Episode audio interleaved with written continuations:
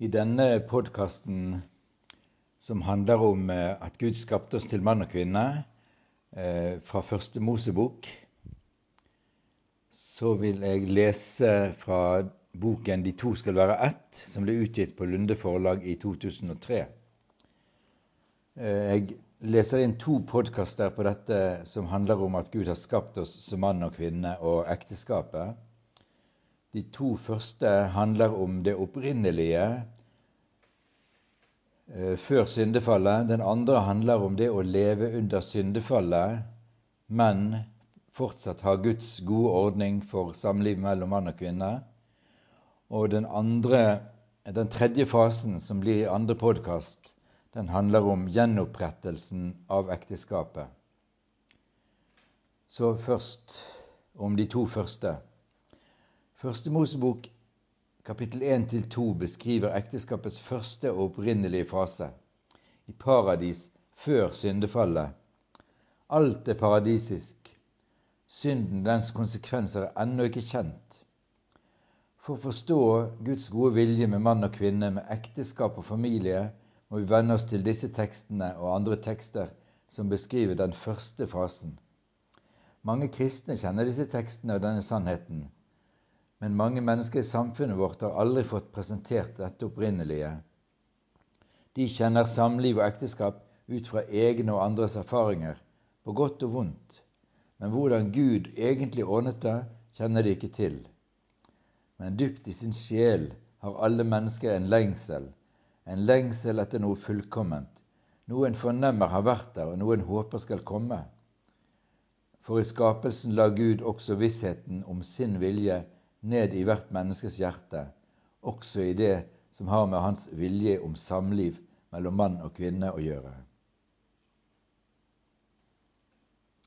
Bibelens undervisning om samlivet mellom mann og kvinne kan derfor virke gjenkjennende og være med på å lede mennesket tilbake til sin opprinnelse og bestemmelse hos Gud. Her finner en svaret på sine spørsmål. Jesu forløsnings- og gjenopprettelsesverk finner en løsningen på sine lengsler. Den andre fasen er preget av menneskenes liv under syndefallets lov. Det er først når Jesus kommer og forløsningen settes i verk, at den første fasen gjenoppstår og gjenopprettes. Da kaller Jesus til sine disipler til å etterligne Adam og Eva i den paradisiske tilstanden. Ved frelsen trer forløst, det forløste folk ut av den andre fasen, tilstanden som følge av syndens konsekvenser, og det åpnes adgang inn i den tredje fasen. Denne fasen er tilbakevending til den første, men den vitner samtidig om en sannhet som først blir fullt ut åpenbart i Det nye testamentet. Det skal vi se nærmere på i avsnittet om den tredje fasen. Ekteskapets opprinnelige fase. Bibelens første poetiske uttrykk hører vi fra Adam, mannen, han ser den kvinne Gud har gitt ham, som hans hustru. Første Mosebok 2,23. Dette er da ben av mine ben og kjøtt av mitt kjøtt. Hun skal kalles kvinne, for av mann er hun tatt. Og så sies det kort og uttrykksfullt de var nakne, både mann og kvinnen, men de skammet seg ikke. Det er selvfølgelig et utsagn som dreier seg om langt mer enn fysisk nakenhet, klesdrakt og seksuell bluferdighet. Det går på deres innerste sjelsliv, det dypeste i deres personlighet. De hadde ikke noe å skjule for hverandre. Så noe om høysangen. Et vakkert uttrykk for det fullkomne forhold mellom to elskende, der kjærligheten kan svare til den første fase er høysangen. Derfor har forståelsen av disse tekstene ikke bare handlet om kjærligheten mellom to elskende, men også om forholdet mellom Gud og Israel, og Jesus og menigheten som brudgom eller konge og brud. Kongen sier Og nå siterer jeg eh, mye fra Høysangen uten å vise til hvor det står. Kongen sier, Hvor vakker du er, min elskede. Ja, vakker og bruden svarer, Hvor vakker du er, min venn, så fager du er. Kongen sier igjen, Som en lilje blant tornebusker, slik er min elskede blant piker. Bruden svarer, som et epletre blant skogens trær, slik er min venn blant unge menn. Å sitte i hans skygge er min lyst og glede. Hans frukt er søt for min gane. Inn i vinhuset har han ført meg, for hans banner over meg er kjærlighet. Jeg er syk av kjærlighet. Hans venstre hånd er under mitt hode, med den høyre favner han meg. Jeg er syk av kjærlighet, jenter bruden. De andre kvinnene undrer seg hva som er så spesielt med ham. Hva er din kjæreste framfor andre, du fagreste blant kvinner? Bruden kommer med en herlig beskrivelse av sin kjærlighet til sin kjæreste. Alt ved ham er tiltrekkende. Slik er min elskede. Slik er min kjære venn så fortelles det om hvordan bruden lengter etter sin kjære. Om natten lette jeg på mitt leie etter ham som, mitt hjerte er kjær. Jeg lette, men fant ham ikke. Jeg vil stå opp og gå rundt i byen og lete på gater og torg etter ham som mitt hjerte er kjær. Jeg lette, men fant ham ikke. Jeg møtte vaktmenn som gikk omkring i byen. Har dere sett ham som jeg er kjær? Men ikke før var jeg gått fra dem, så fant jeg ham som jeg er kjær. Da tok jeg tak i ham og slapp ham ikke. Hør hvor stolt hun er over sin kjære. Jerusalems døtre, kom ut, se på kong Salomo, Sions døtre. Å si hvor vakker du er, er en stadig repetisjon. Kongen sier, hvor vakker du er, min elskede, å, hvor vakker du er. Dine øyne, ditt hår, dine tenner, dine lepper, din hals, dine bryster, Min elskede, alt ved deg er vakkert. Det fins ikke lyte på deg. Hvor vakker og underfull du er, min elskede, min lyst og min glede. Bruden svarer, Jeg hører min elskede til, og til meg står hele hans hu. Kom, min venn, der vil jeg gi deg kjærlighet. Det, ang det anger av elskovsepler. Jeg har spart dem til deg, min venn. Det fins en historie om en kone som sa til sin mann, Kan du ikke si at du elsker meg? Hvorpå han svarer, Jeg sa det da vi giftet oss for 20 år siden. Hører du ikke noe annet, kan du gå ut fra at det står ved lag ennå. Den mannens holdning svarer ikke til det bibelske. Der er kjærligheten slik at den stadig må uttrykkes, både med ord og handling. For både ord og handling er skapende det vi sier og gjør, har skaperkraft i seg. Jo mer vi elsker, jo mer vi sier det og gjør det, desto sterkere blir kjærligheten. Legger en reservasjoner på sine ord og handlinger, så kjølner det. Min søster og brud, du har fanget mitt hjerte, hvor skjønn din elsker vær, sier kongen. Bruden gir respons. Å, om en venn ville komme til sin hage og nyte dens herlige frukt. Vi må medgi at høysangen også forteller at vi ikke er i den paradisiske tilstanden. Kong Salomo levde absolutt ikke slik det var i begynnelsen, i et monogamt ekteskap. Men poenget her er å vise hvordan kjærligheten mellom én kvinne og én mann kan være. Det er 60 dronninger, 80 medhustruer og terner uten tall men bare én er min due, hun som er uten lyte. Hvem er hun som stråler lik morgenrøden, fager som fullmånen, klar som solen? Slik vi det i den første fases perspektiv ser det, forstås det slik det finnes mange vakre kvinner og fine kvinner og menn, men bare én hører meg til den hustru eller den mann som jeg har fått, og ingen kan sammenlignes med henne eller ham. For meg er hun eller han fullkommen. I ekteskapets første fase finnes det ingen konkurrenter til den Gud har gitt meg. Nettopp den jeg har, er verdens beste for meg. Så må det også være slik at den Gud har gitt en annen, er verdens beste for ham og henne. I den paradisiske tilstanden ser han ikke på en annen kvinne eller mann, eller en annens hustru eller ektemann. Der ser han sin egen og sier, bare én er min due, hun som er uten lyte. Jeg har fått en nådegave fra Herren, sier den som har fått en ektefelle. Ordspråkene 1822. Hvor sterk kjærligheten er, uttrykkes slik. Sett meg som et seil på ditt hjerte, som et seil på din arm. For kjærligheten er sterk som døden, lidenskapen mektig som dødsriket.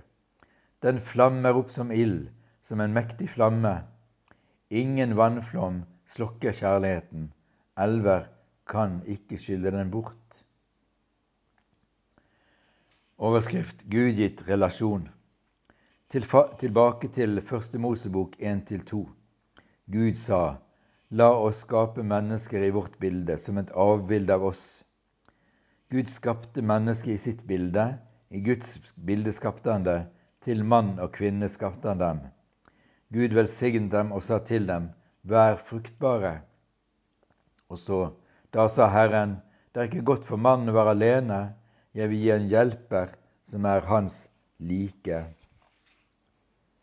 Det er først og fremst Det nye testamentet som lærer oss helt og fullt om den treenige Guds innbyrdes relasjon, Faderen, Sønnen og Den hellige ånd. Gud er én, og samtidig er han tre. Det er et stort mysterium, men også en herlig og nødvendig sannhet. Relasjonen er først og fremst karakterisert av kjærlighet, guddommelig kjærlighet, agape. Faderen elsker Sønnen, Sønnen elsker Faderen. Faderen herliggjør Sønnen. Sønnen herliggjør Faderen.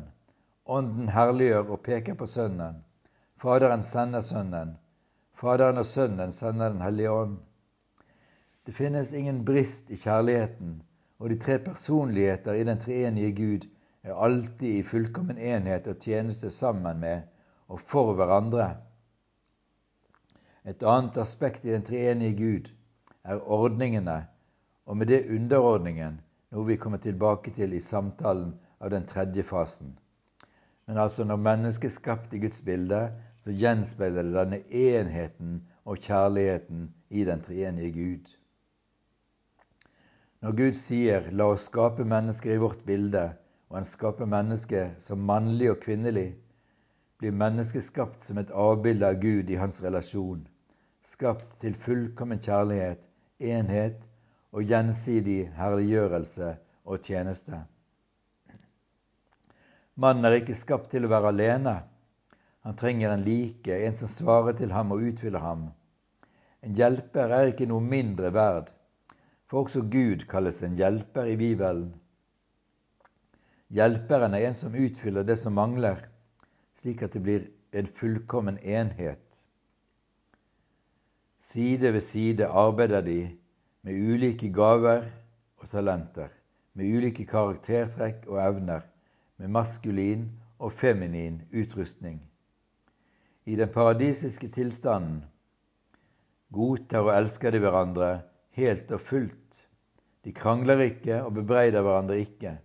De lever naturlig etter den gylne regel alt dere vil at andre skal gjøre mot dere, skal også dere gjøre mot dem. Ingen behøver å være å lære dem om nestekjærlighet. Det bor i dem. Du skal elske din neste som deg selv.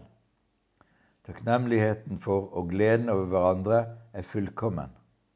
De var nakne, både mannen og hans hustru, men de skammet seg ikke, heter det. Skam hører ikke paradiset til. De hadde ingen grunn til å kle på seg. Skammen hører først syndefallets tidsalder til. I den paradisiske tilstanden er kjærligheten uten brist. Alt er sannhet, alt er åpent og ærlig. Det er ingen grunn til å rødme av skam, slå sine øyne ned, ta hvite løgner, gjemme seg, ta på maske. De kjenner hverandres behov, og de møter dem med glede. Så kommer vi til eh, ekteskapets andre fase. Det vi kaller ekteskapets andre fase, er preget av det samme som alt annet liv. Intensjonen og ordningen er god, men det er infisert, skadet og ødelagt av syndens makt. Første Mosebok kapittel 3 forteller en dramatisk historie som verden siden har høstet konsekvensene av. Ved syndefallet kom relasjonene i uorden. Det gjelder for det første forholdet mellom Gud og menneske. Men også relasjonen mellom Adam og Eva ble forstyrret. Det som i paradisisk tilstand bare hadde vært kosmos, dvs. Si vakker, fullkommen orden, men da ble nå blandet med kaos. Noe inni det enkelte mennesket ble også ødelagt. Derfor begynte Adam og Eva å kle på seg. De ville skjule noe inni seg selv, og de ville skjule noe for den andre. Synden stengte for Guds velsignelse. Relasjonenes harmoni var brutt. Kjærligheten hadde fått mer enn en brist, den hadde fått en grunnskade. De begynte å anklage hverandre. Det var din feil. Ektefellen var ikke som før en hjelper som var din like. Adam jublet ikke for Eva som den dagen han først så henne. Mennesket, mannen, anklaget Gud. Kvinnen som du har satt til å være hos meg. Deres fiende, slangen, djevelen, hadde lokket dem. De trodde han var en vis veileder, men nå ser de hans sanne ansikt. Slangen lokket meg. I denne historien hører vi for første gang et fryktelig ord forbannet. Jorden blir forbannet. Guds mening var og er å velsigne, men konsekvensen av ulydighet mot Gud er forbannelse. 5. Mosebok kapittel 28 underviser oss om disse to diametralt motsatte livsvilkårene. Med tro, tillit til og lydighet mot Gud og Hans bud følger velsignelse. Med vantro, ulydighet og brudd på Guds vilje følger fordømmelse. Det ene vilkåret minner om det paradisiske. Det andre beskriver et liv der en stiller seg utenfor paradisets velsignelser. Så også her, allerede i den gamle pakts tid, står mennesket på valg. Det er mulig å leve slik at Gud får slippe til med sine velsignelser, men det er også mulig å velge slik at fraværet av Guds velsignelse merkes og forbannelsen rammer en.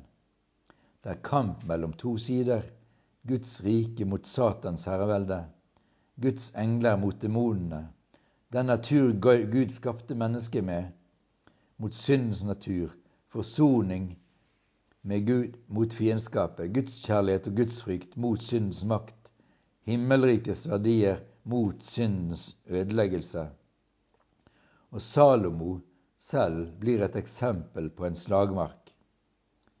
Under ekteskapets første fase beskrev vi kjærligheten mellom kong Salomo og hans brud, slik det er fortalt i Høysangen. Salomo er et eksempel på en slik slagmark mellom Guds og Satans herrevelde, mellom Guds frykt og syndens makt. Salomo hadde bedt om visdom fra Gud, og han fikk den. Men den visdom som kan stå imot verdens lyst og begjær, tok han ikke til seg. Han ga etter. Midt i hans visdom fantes en moralsk brist, en ulydighet mot Guds forskrift.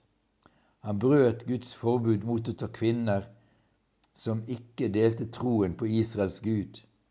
De forførte ham. Først tillot han dem å dyrke sine egne guder. Så fikk han dem til å bygge altere for dem ved siden av det store tempelet han hadde bygget for Herren. Det ble hans forbannelse.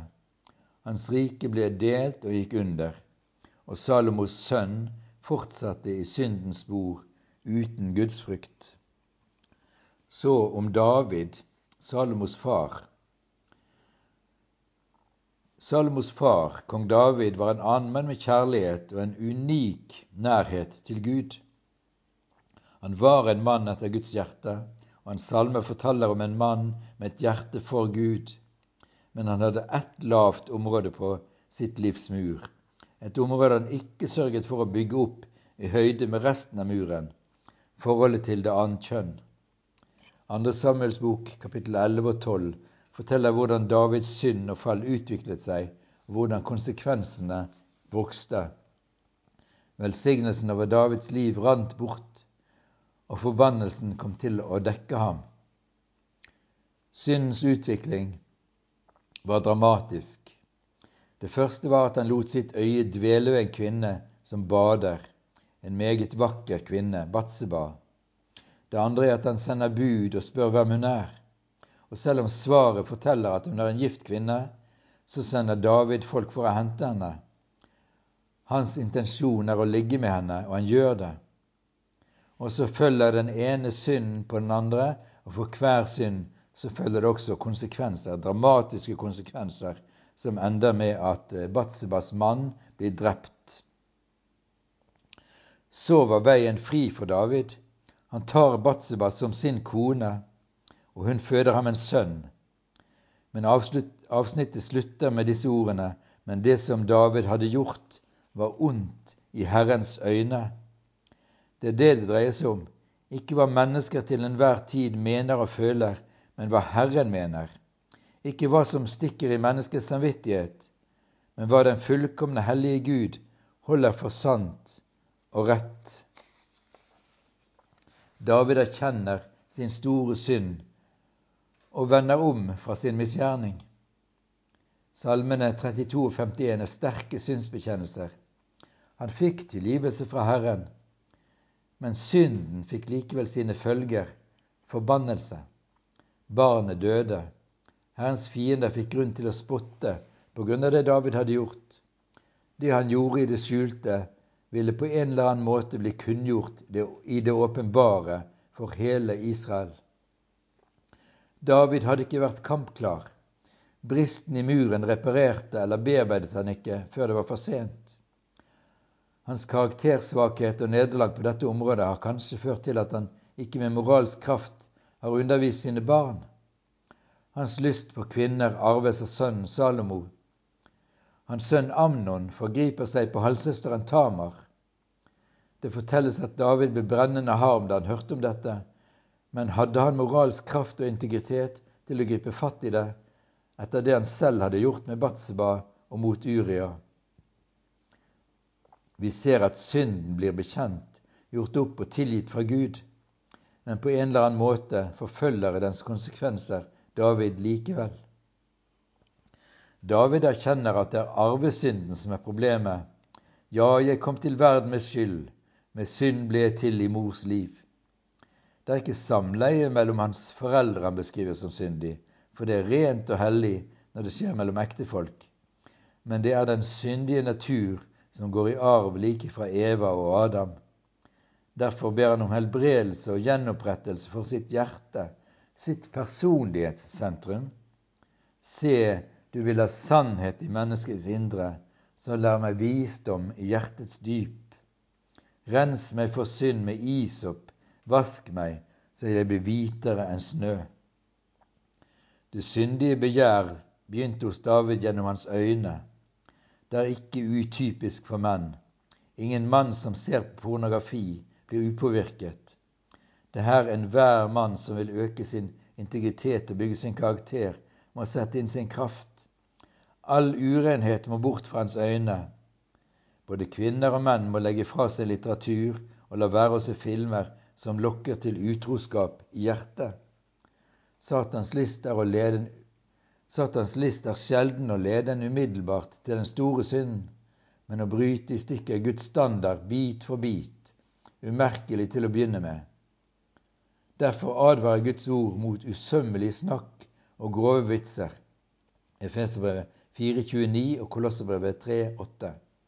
Et gudfryktig menneske må lære seg å la være å le av slike ting, vende øret sitt fra det, ikke delta i det. Og så noe om hjertet. Ekteskapet er som nevnt bare én av Guds gode ordninger som går i stykker når det harde hjertet får rom. Jesus sier at de harde hjerter er en realitet og det virkelige problemet i denne tid. Mattis 19,8. Derfor går det galt i relasjoner, inklusiv ekteskapet. Ekteskapsbrudd skjer i hjertet, Matteus 5,28. Det er hjertet som er problemet, fra hjertet kommer ordene munnen taler, og de onde tankene. Folk kan ære Gud med leppene, men hjertet kan være langt borte. Fra hjertet kommer onde tanker, mord, ekteskapsbrudd, hor, tyveri, falskt vitnesbyrd, spott, sier Jesus Matteus 15, 19. Det er de rene av hjertet som priser salige, de skal se Gud. Den gode sed, Guds ord, blir sådd i hjertene, men det onde kommer og røver det. Det er hjertene som trenger renselse når en har et delt sinn, skriver Jakob kapittel 4 vers 8. Gjennom synd gjøres rett, hjertene fete til slektedagen. Paulus understreker at hos dem som, har, som er fremmede for livet i Gud, er forstanden formørket, for deres hjerter er blitt forherdet. De er blitt avstumpet, så de gir seg hen til all slags umoral. Men slik er det ikke med dem som har lært Kristus å kjenne, de som blir fornyet i sjel og sinn og kler seg i det nye mennesket, det som er skapt etter Guds bilde, til et liv i rettferd og hellighet etter sannheten. Efeserbrevet 4, vers 18 og følgende. Også hebreerbrevet understreker hjerteproblemet. Forherd ikke deres hjerter, heter det med henvisning til det vantro Israel. De fører alt de vil i sitt hjerte, de kjenner ikke mine veier. Brødre, se til at ikke noen av dere har et ondt og vantro hjerte, så alle faller fra den levende Gud. I det nye pakts tid skal det skje en forandring da skal Guds lov skrives i hjertene, og menneskene skal være lydige mot sin Gud, står det i Hebrevbrevets kapittel 8 og kapittel 10. Nye hjerter gir håp for fremtiden. I Jeremia 31 står løftet om den nye pakt. Vers 26 og følgende forteller at dette er nådens tid. Gud elsker Israels etter, sitt folk. Her møter vi disse utsagnene. Med evig kjærlighet har jeg elsket deg. Enda en gang vil jeg bygge deg. Herren har frelst sitt folk. Det er håp for din framtid. Nå vil Herren skape noe nytt i landet. Herren vil velsigne deg, du rettferds bolig, du hellige fjell. Det er i disse tider Herren slutter en ny pakt med folket. Den gamle pakten var bestemt av en ytre lov som regulerte menneskers liv men på grunn av de harde hjertene var mennesket ute av stand til å holde den loven. Ja, de harde hjerter medførte at en opponerte mot og med overlegg brøt Guds bud. Gudsfrykt og gudskjærlighet var mangelvare. Den nye pakt består ikke i ytre bud som skal overholdes av syndige mennesker. Den består i nye hjerter, nye personligheter og karakterer som er identiske med Guds vilje. Hvert menneske vil ha et umiddelbart kjennskap til Herren, både små og store. Å kjenne Herren er ikke å ha teoretisk kunnskap, men å ha sin identitet i ham, en personlig relasjon til ham, og å elske ham av hjertet. Det er ikke lenger et ytre bud som sier at du skal elske Herren din Gud av hele ditt hjerte og av hele din sjel og av all din makt. 5. Mosebok 6,4. Men det er en indre lyst og glede. Hjertet sier med glede ja og amen til Guds vilje. Hjertet er personlighetens sentrum. Det er dette det dreier seg om. Det er her problemet sitter, og det er her løsningen finnes. Et hjerteforhold til Gud som er galt, fører til at også det andre kommer i ulage. Er hjerteforholdet til Gud fornyet, blir det velsignelse, og med hjertefornyelsen er vi over i ekteskapets tredje fase. Og det skal vi ta for oss i neste podkast.